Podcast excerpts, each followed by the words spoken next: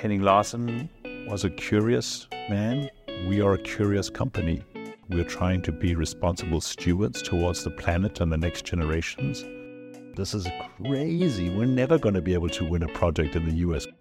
Hello and welcome to Architecture Talks. I'm Mimi Strömbäck, and in this podcast, I sit down with some of the leading architects to discuss their architecture and their journeys. Michael Sørensen is a design director and partner at Henning Larsen, leading the firm's projects across North America. Henning Larsen, one of the leading design firms in Europe, works within architecture, landscape, and urbanism, and has won countless awards for its sustainable and forward thinking designs. Michael mirrors the company's ethos and is a curious man with a global perspective, having lived in all various parts of the world. In this episode, he emphasizes the significance of cross cultural learning, determination, and persuasion, as well as the foundational principles that underpin all design at Henning Larsen. Make sure to follow Architecture Talks on Instagram, where you can see photos and drawings of the projects that we discuss in each episode. Hello, Michael Sørensen. Thank you so much for taking time to meet with me today.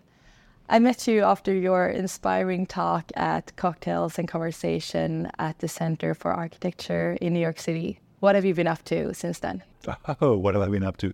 Well, thanks for coming, Mimi, and thanks for inviting me. It's really fun. I look forward to sharing some thoughts today. You know, it's funny. What we've we been up to? It's a funny time right now in, in, in the architectural slash real estate development world. You know, interest rates are high, developers are a bit nervous, people are a bit nervous. So we kind of see ourselves, you know, pursuing a lot of different work, going after a lot of different projects, trying to expand on what we've been doing previously as well, and basically trying to get closer to clients. So that entails a lot of traveling, uh, meeting new clients on new markets, and so on. You know, we've only been here for five, six years now in the US. I think we've come to realize the US is a very, very big continent. so just, you know, grappling with that and expanding our, our reach and our presence and our branding and, you know, making sure people know us.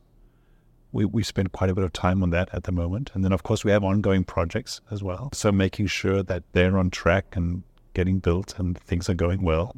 So Describe Henning Larsen. Where are your offices located and how many work here in New York and globally? Yeah, too? that's that's hard because I can't even remember all the offices we have.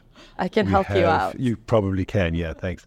So we started in in Denmark just over 60 years ago. And that's someone would call it the mothership. I call it the biggest support office we have. And then from there, we've grown and with offices in Germany, in Norway, Hong Kong, Singapore, in Australia, and of course, New York as well. And we also have a small office in the Faroe Islands. And so, in all, I, I can't remember the exact amount of people we are, but I'm guessing it's around 700, 750 people in total. So it's a, it's a big organization. I'm in New York, in the New York office. I've been working in or on projects in the US and Canada since about 2015. So I've been doing this for eight years now. We've had the office here in New York for about six years, and the space we're in here today for about five years. So, can you tell us a bit about the neighborhood and the building and this particular room we're sitting in? Well, this is we're in Tribeca in, in New York, and uh, I believe there was a lot of print shops in here in in the old days. And this this is a base we came across. It was my partner Louis Becker and Nina LeCourcel and Amalia that found this place. And it got a great deal on it. And there was just a raw concrete space. They used to make small badges and shields here. So I I'm not actually sure if it's true, but I believe they made police shields here. But I, I, don't don't quote me on that. But it was a big stamping machines, you know, for metal press for for badges and so on. So we basically just you know took out all the lead, did all the lead abatement in here, and then we uh, sealed off all the surfaces, so we didn't add a layer of paint to the surfaces. And then we put in these three transparent open conference spaces. We're in one of those now, and one of them is also our our model space. And really, it's a very open, collaborative working environment. I think I think you hear it yourself. So both in here, but out there, the acoustics are very good, and we're very attuned to acoustics and how spaces perform and, and how they affect us as human beings. That's important for us. You you live here in New York. I live here in New York. It's it's a noisy city, and it's not just noisy outside, but it's also noisy when you go into a restaurant, and it's noisy when you go home into your apartment because then you have the radiators or the ventilation. Then you go to a hotel room and you it's like everything's noisy every time. So I think stepping into a space like this where it's a little more quiet, it's a moment of relief. I mean, that was actually one of the first things that I said to Dan that, that I met before here, that it was so nice, that it was so quiet. And he was like, either it's quiet or it's very loud. Yes, well, we do have loud parties as yeah. well. So. so Henning Larsen was founded in 1959, correct? You're probably correct, me because you, you read it and you I think you are you are right. I hope so. Yes.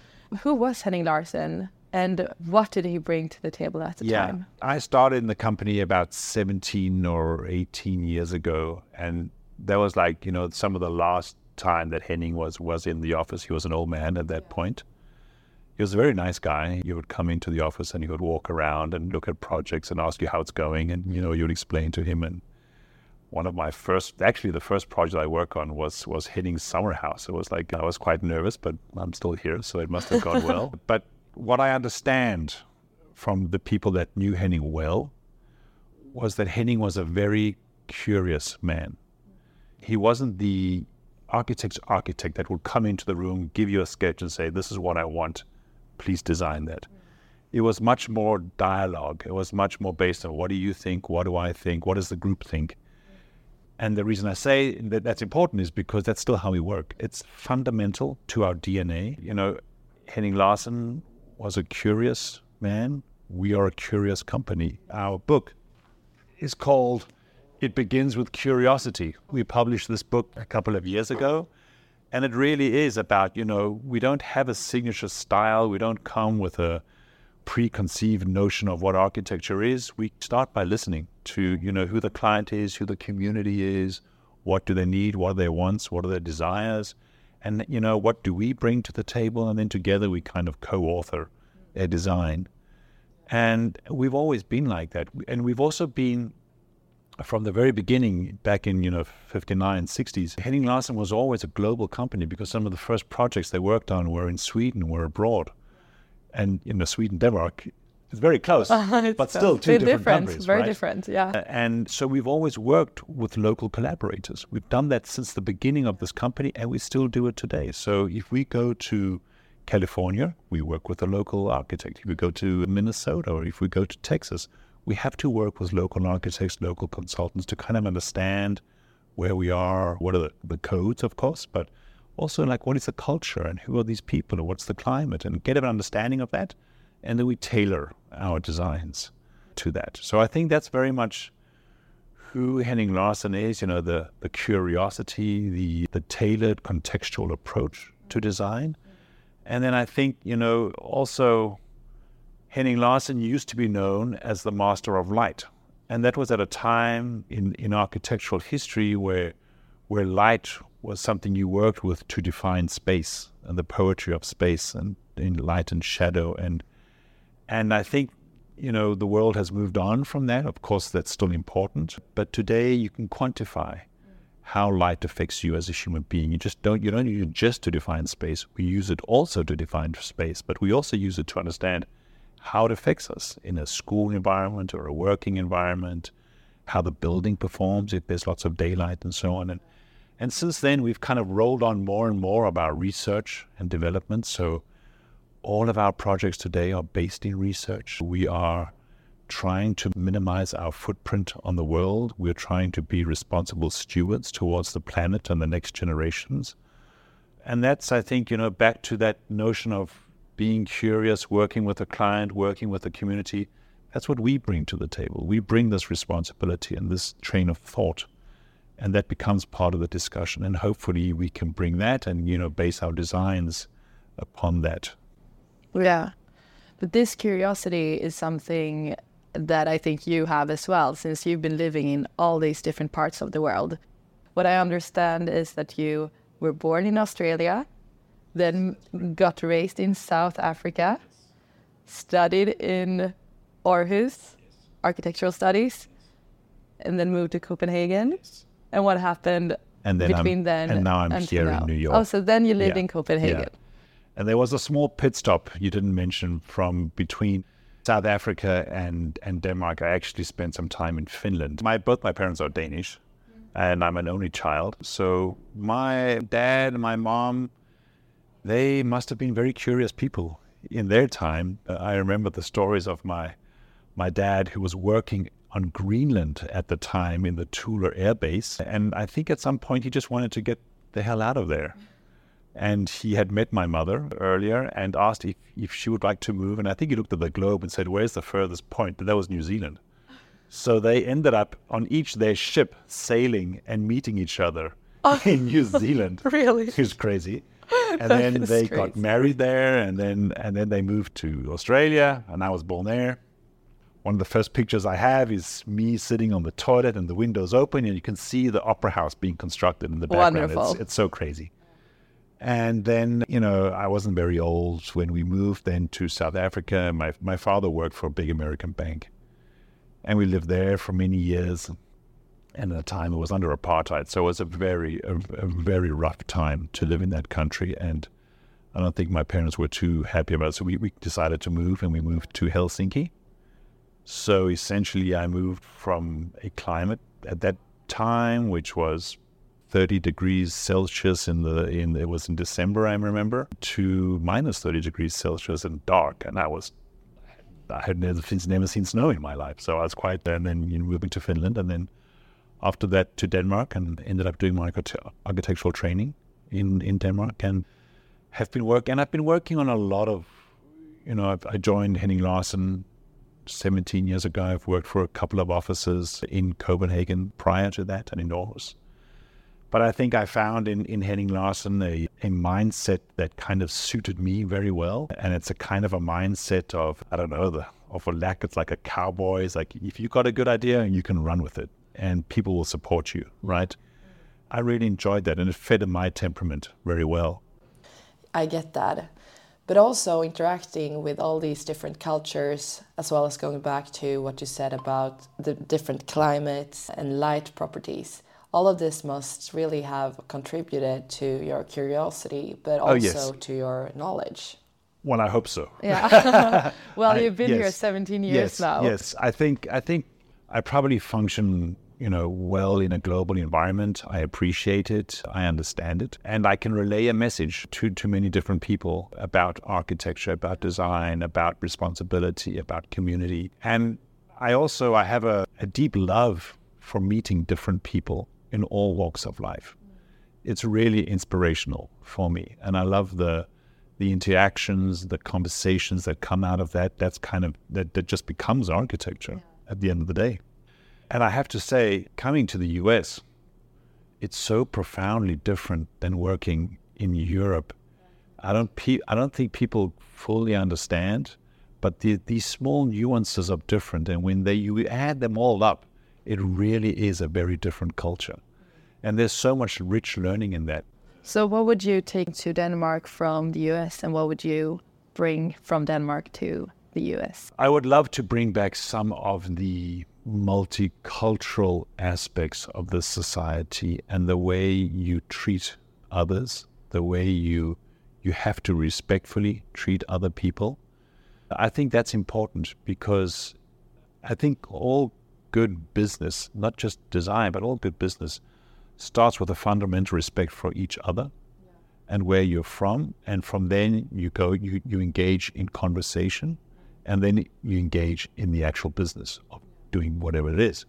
So these things have to come together. And I think there's a there's a very good understanding for that. And I've had the luck of working quite a bit in Canada as well. And in Canada, they are really doing a great job of acknowledging indigeneity and First Nations people and, and getting that as a layer, an, an important layer into design, into urbanism. And all conversations start with that acknowledgement and that respect. And when you start with that acknowledgement and respect, you're starting in a whole different place. You're starting with an understanding of the earth, of the generations that have become before you. You start with understanding your role within that, you could say, generational span. You start by understanding who you're actually building for. And it, it, it resonates. It means that, you know, what you do today has an effect on future generations. You can't take that lightly. But I also think we do that well in Scandinavia. So that's why I think the marriage is so interesting because we have a recognition of the importance of being, you know, good stewards towards the planet in Scandinavia. But our societies aren't necessarily as multicultural. So I'd love to blend those two and bring more of that aspect over.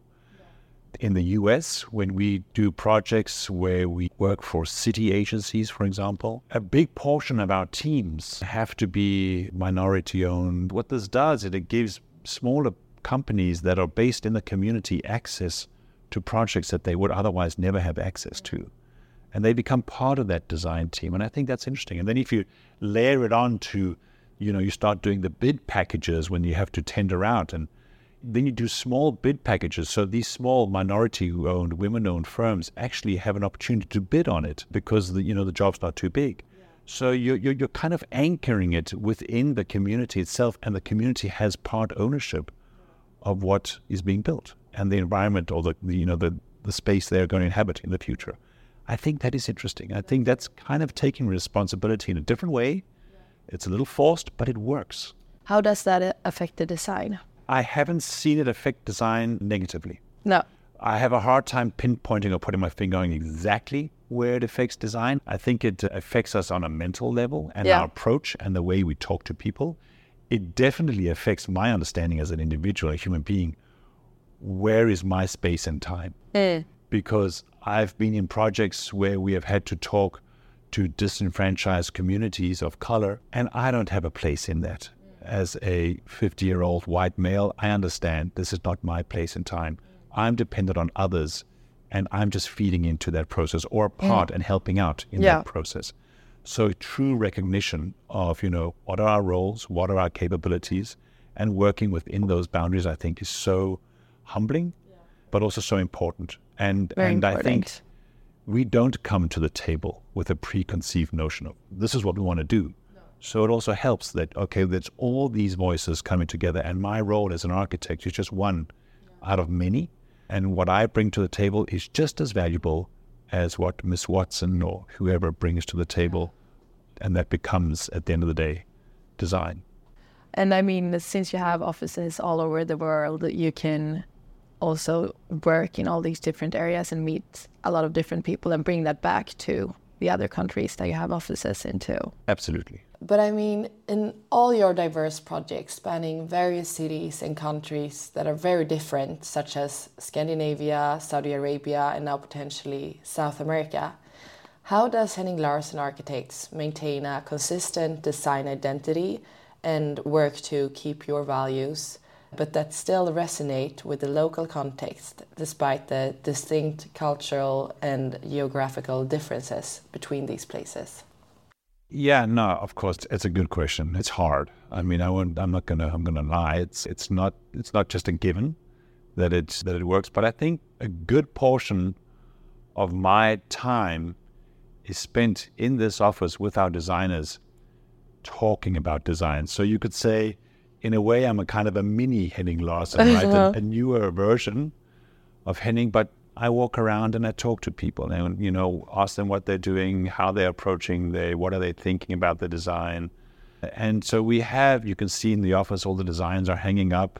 It's available to everybody to walk up and start having a discussion about the project at the stage it's at. So I think we we try to create a culture across our offices where we value conversation. But we don't create a culture where one single designer is the owner or the person deciding. It's always kind of a, a, a collective decision making. But it also will then reflect the culture you're in, yeah. right? So even if the setup was exactly the same as here, as in Hong Kong, yeah. the result will always be Hong Kong in Hong Kong and the United States in the United States.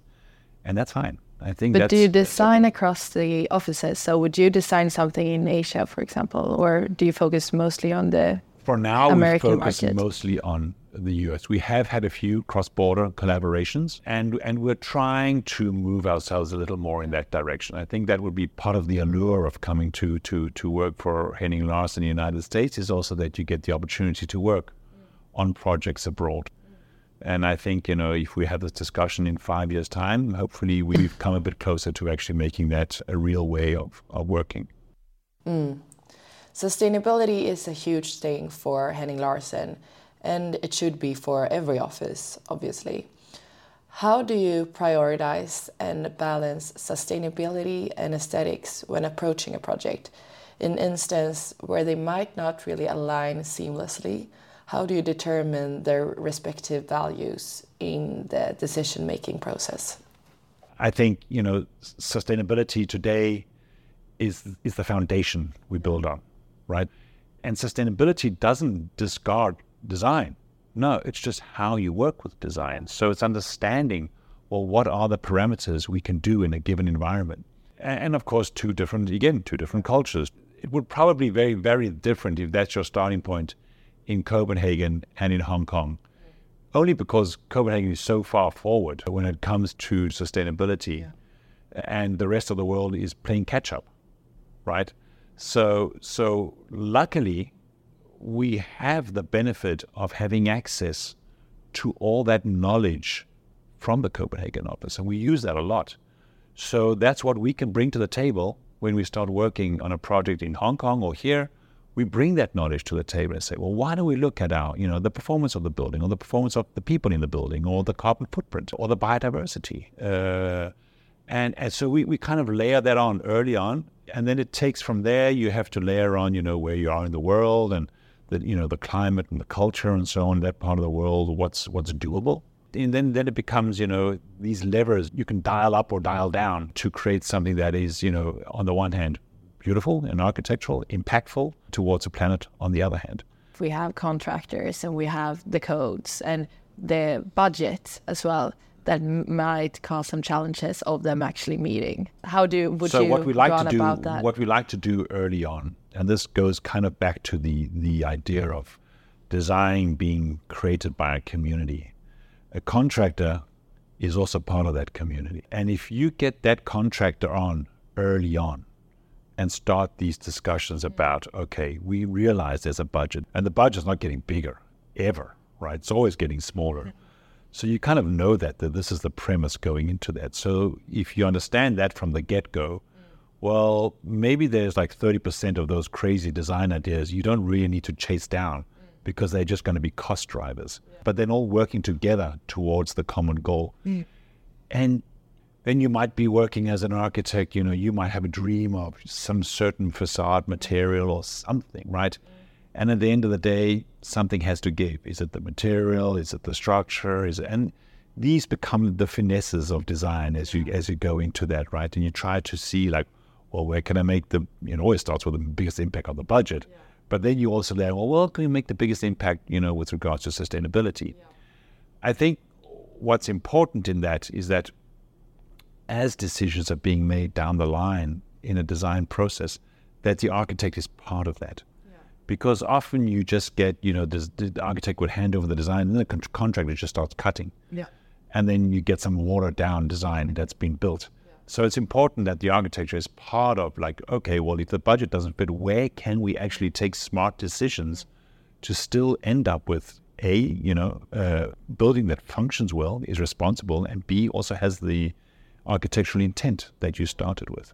And it's great that you have a sustainability department. How do you work with that department at Well, we have we have uh, Kritika just joined us uh, this summer, and she did her PhD up in Harvard, and she was working in Copenhagen. And Kritika heads up our sustainability department here in New York, and we're building that out now. And then, of course, we have quite a substantial department in Copenhagen that supports all the offices.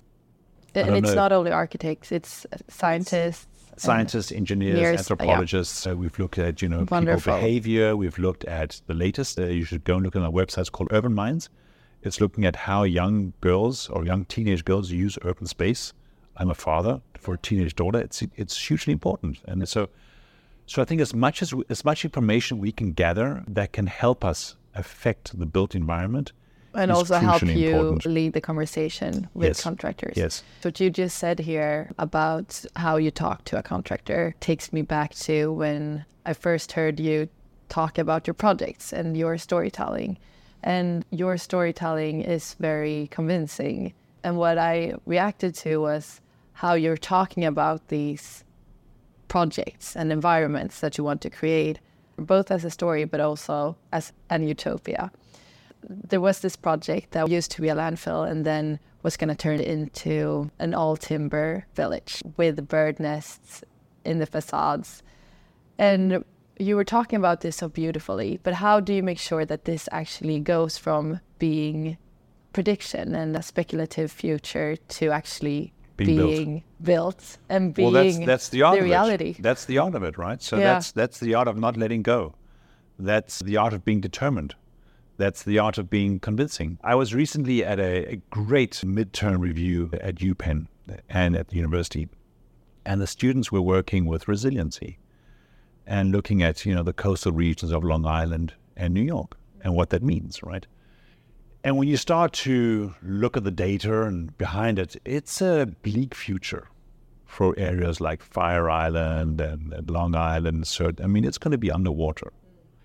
And we were talking about this, right? And, and, and, and, and the students did great projects and great thinking and research. Like, how do you how do you approach this? How do you do this, and so on? And I think kind of what we talked about there in that discussion was that one thing is the engineering aspect of solving issues of the future.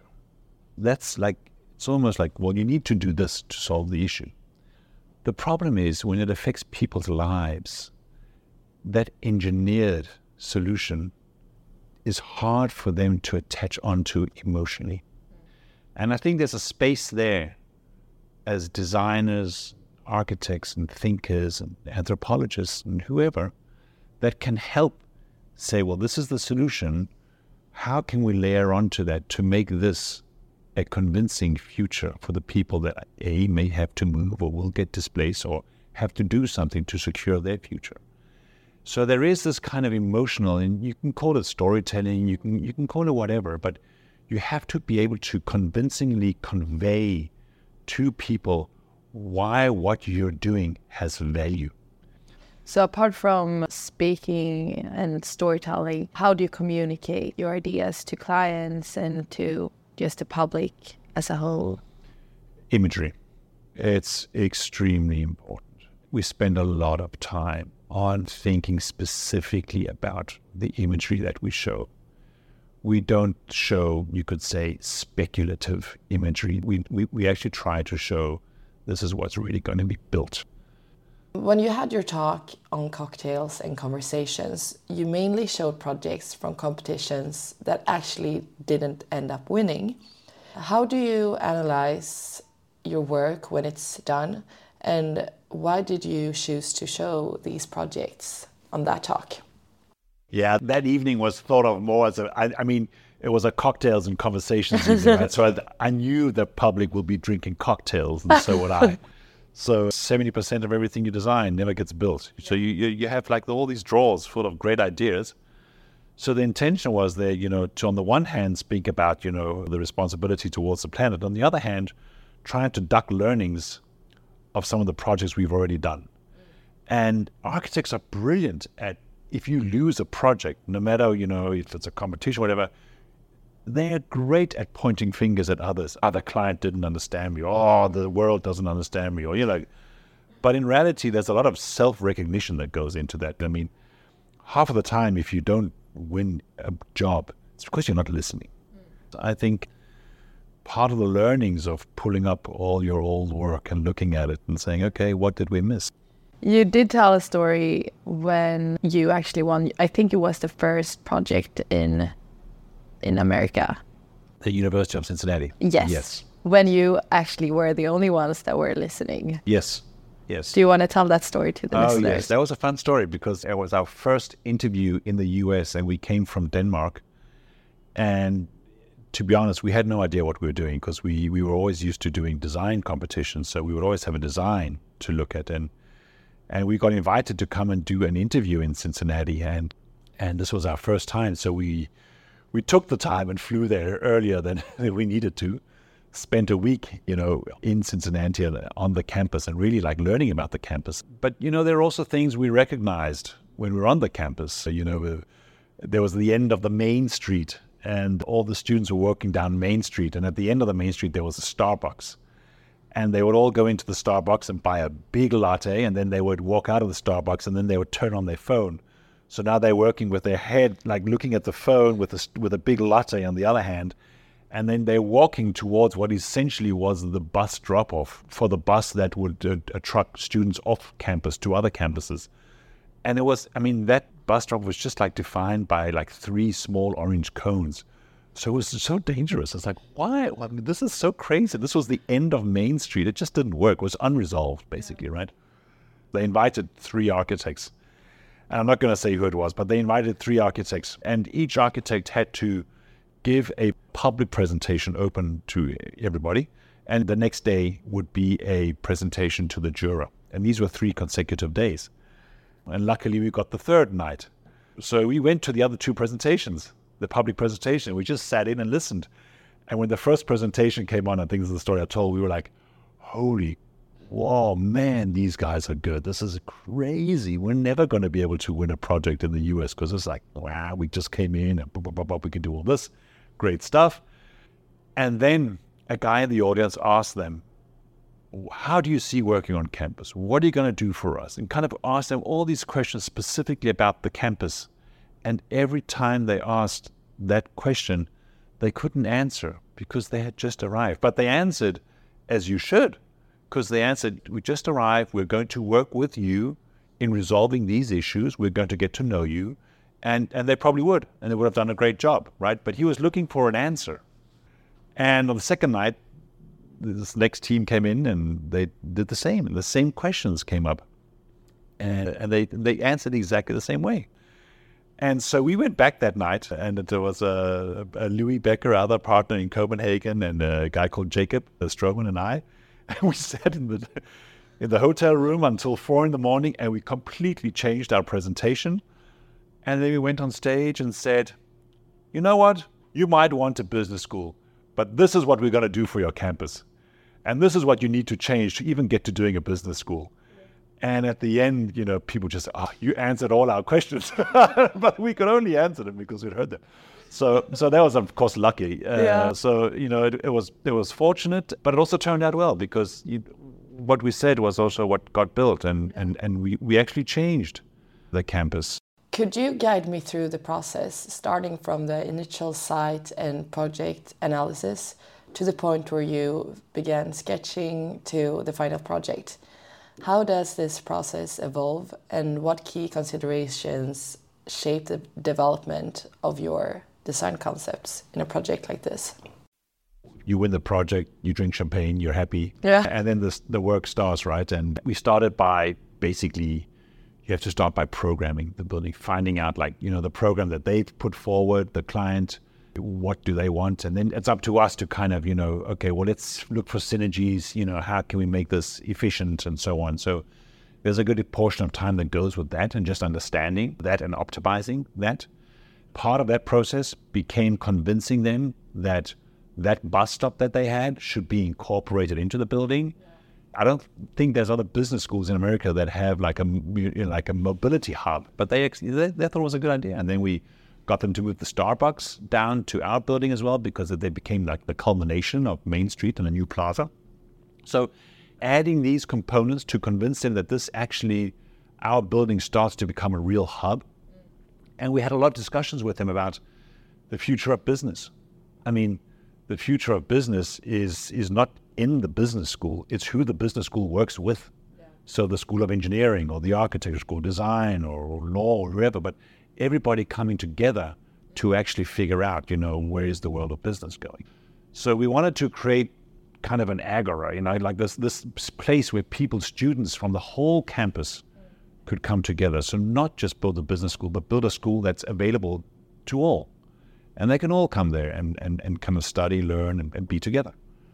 And they thought that was a great idea as well. So this became this beautiful atrium space with a lot of seating opportunities for different departments and colleges to to come into and a lot of you know, daylight, courtyards with fresh air. So just a lot of like opportunity for people to make spaces their own within the building as well. And then from there we had to do we did three different proposals for the site. And we had one which was pretty cool at some point, but it, it didn't work. But it was a we had taken a, a circle and a square and like you know mashed them together. We call it the squircle and I, we have to use it at some point. It, yeah. was a pretty. Do you cool have any project. sketches of this that I, I can I, see? I, don't. I don't know where they are, but I'd have to dig deep to yeah. find those. And we had some other proposals, and then we kind of came up with this proposal that's there today because it was essentially four like pods that came together in the middle, and there was then four different courtyards that students always could, always could access throughout the building on different levels. In this instance, the university had married us with a local architectural firm called KZF and a guy called Doug Marsh and his team. And they were phenomenal. And then we had a very good client as well, both in the business school and in the university. So it was really just a great project to start kind of our learning of building in the US. Wonderful. But so did the process end there or did you come back later to evaluate what no, so, yeah, so in the in the process, during the process we we learned that there was quite a few issues with student loneliness and student depression on campus. So, what we ended up doing, we had a PhD student in our office, and together with the university and the business school, we created a program where we, I think we put about a thousand sensors into the building. Oh, not a thousand. Sorry, that's that, that's too much. Many, let's just say many, many sensors into the building, and these sensors can track where the students are in the building. There's no facial recognition, all that gets wiped out, so they can't see who you are or what you're talking about. But basically, what the sensors can do is see how much time students spend sitting next to each other or in small groups or if they're sitting alone. And the idea is if you're sitting within half a meters of each other, you're probably engaging in some kind of communication together. We don't know what, but there's a good, a good chance that you're actually, you know, doing something together. And the idea was that we would we created these pods for students to work in and, and built-in furniture and so on. And the idea is to see well, did they work? And if not, did we have to go in and do other kind of you know furnishing or interior design to support students coming together and students spending time together in the space? Fortunately, it's a huge success. But we can see now, tracking that, that it was you know above 60% of the students that are in that space spend time together. I mean, touching upon those issues is crucial to make an architectural project interesting, I think. I mean, we can have beautiful architecture, but it's not truly interesting until you actually start engaging with these kind of issues. No, because yeah. Finding solutions for them. Yeah. No, I think, I mean, architecture is essentially people in space, right? It's not just space. exactly. We're in there somewhere. Yeah. I really enjoy hearing about these concepts. And as you say, they often make so much sense. Would you say that there has been situations, if we're a bit critical, that these concepts haven't really worked out? Nah, never, never, never. Never at Henning Larsen. Nah, it doesn't happen. of course, of course. There's always, you know, there's always things that happen down the road, and I have a hard time just off the top of my head, you know, thinking of a, a of a project that that's really, you know, just doesn't work. But on every single project there is something that's that that's always a miss. What project throughout the history of Henning Larsen, both when you've been working here but also before your time here, uh, would you say is the most successful project? Ooh, that's a good question. Successful is like you have to like what are the parameters for success, right? I really like our Moesgaard Museum project. I can think you, can you describe that? The Moesgaard Museum, it's a project just outside the city of Aarhus.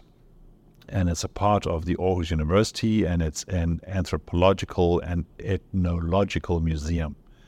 And it's in this beautiful Ice Age landscape, like an old Viking landscape.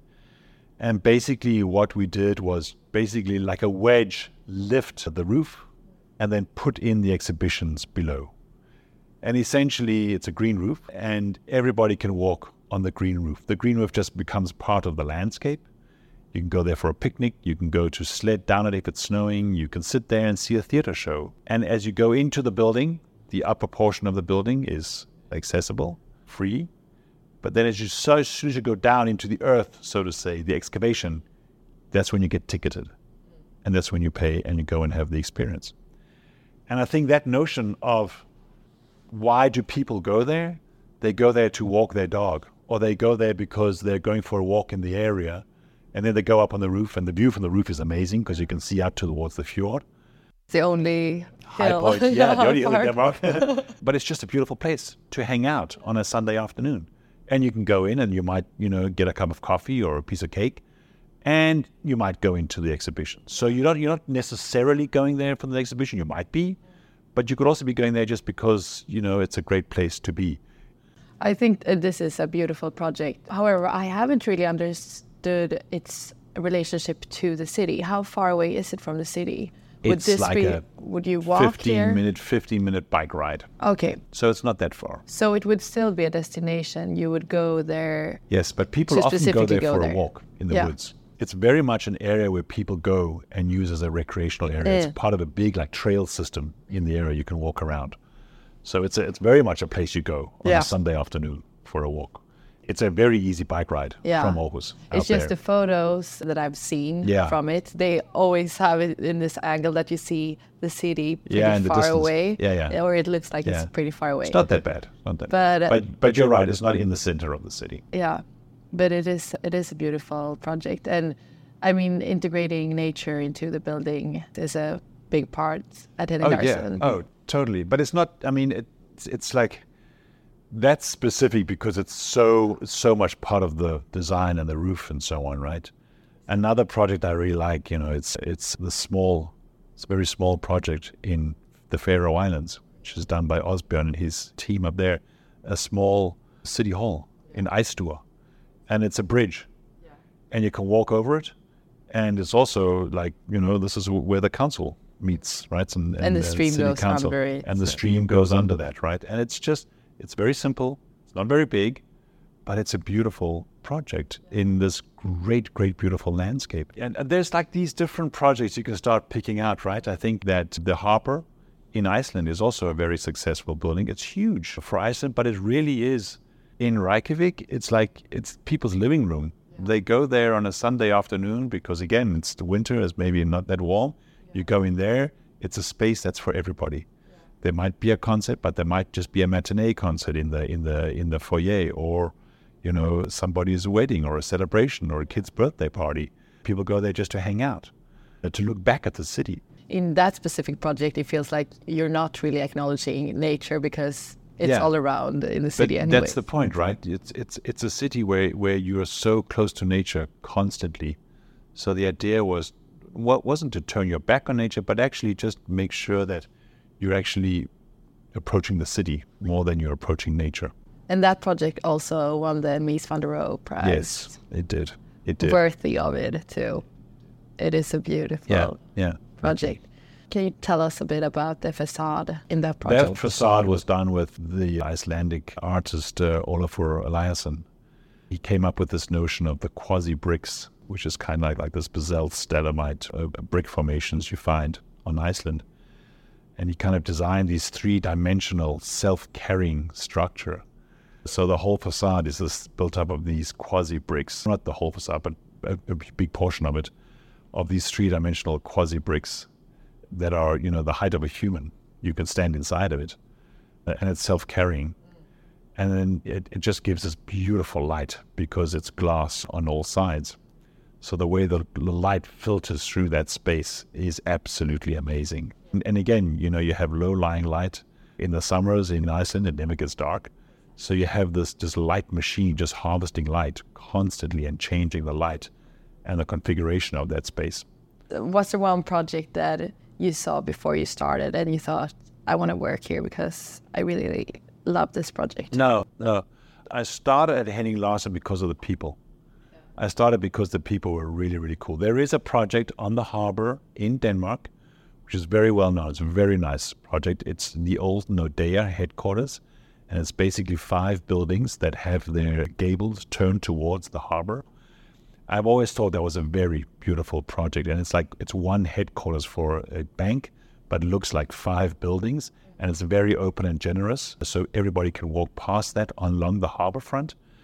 And I always thought that was a very smart approach and a very beautiful approach of opening up the harbor and making it accessible for everybody while still having basically a bank headquarters on the harbor front. And that was something I knew them for very well at the time. I also knew a very old project, which was the University of Trondheim in Norway. And I really can't remember the dates, but it's probably back in the 70s, 80s it was built. But it, it's basically built as a small city with streets that you walk down, and the streets are internal and covered. And it's just, I remember visiting that. I was like, wow, this is, I mean, it, it's of its time, but the scale, it was, it's, you know, it, it, it, it touches on something that like I was really into at the time and probably still am. I was, I really like the Danish office called Vandkunsten. That's kind of what drew me to become an architect and their scale and the way they work.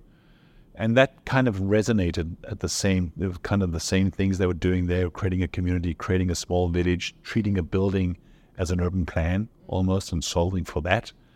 I always thought that was an extremely interesting project. And you can see a lot of that going through our projects. The way we approach projects is basically still, if you pull out Trondheim, if you pull out the, the Nordea project, it's still very much our approach to you architecture. can still get inspiration from that. Yes, yes. We you- treat buildings as though we were a part of the urban fabric. That we pe- people walk around in a That's building is the same way you walk around in a city.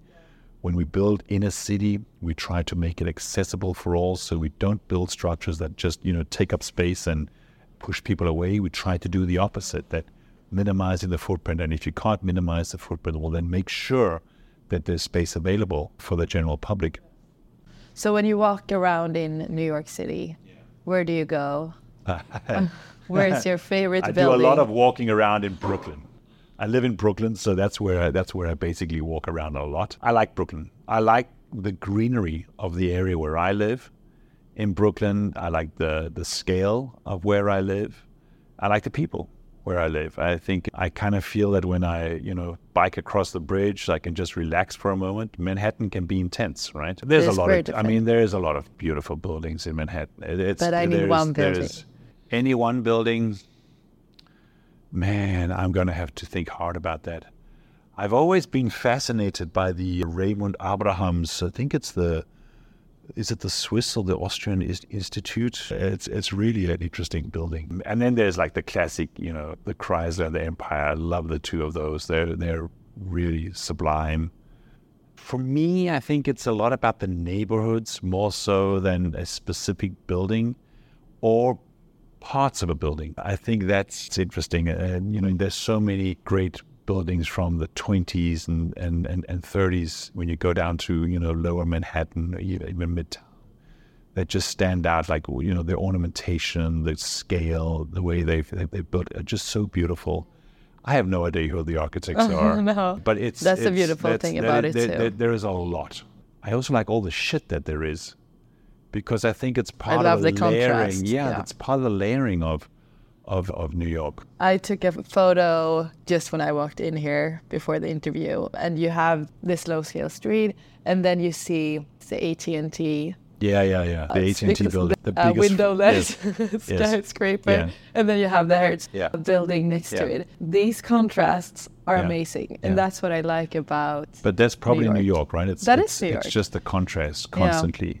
It continues to astound me every time I go for a walk. Just the scale of it. It's just like, man, I just cannot. I just cannot get my head around how quickly this city has gone up, how quickly it's been developed. Exactly. It's it's insane. But then working in Hong Kong, it's even it's even more. Yeah. So it's really, it's just like you get to places as you're just like dumbfounded by, wow, this is big. It's pretty dynamic. So I, I think I like the dynamics of a city like this. I like the grittiness of it. I, I live in Brooklyn. It's, you know, some areas that are really gritty. And I, I, I tend to spend my weekends on soccer pitches because my son plays soccer and we drive around in all these crazy areas. And it's just like, man, I mean, it's so crazy, but people are fantastic. Food is great. It's like There's just there's like so much to experience constantly. Mm. That's that's I think one of the, the, the greatest things about living here. Yeah. So when you're looking for inspiration, is there anyone that you're coming back to, another architect that you would listen to?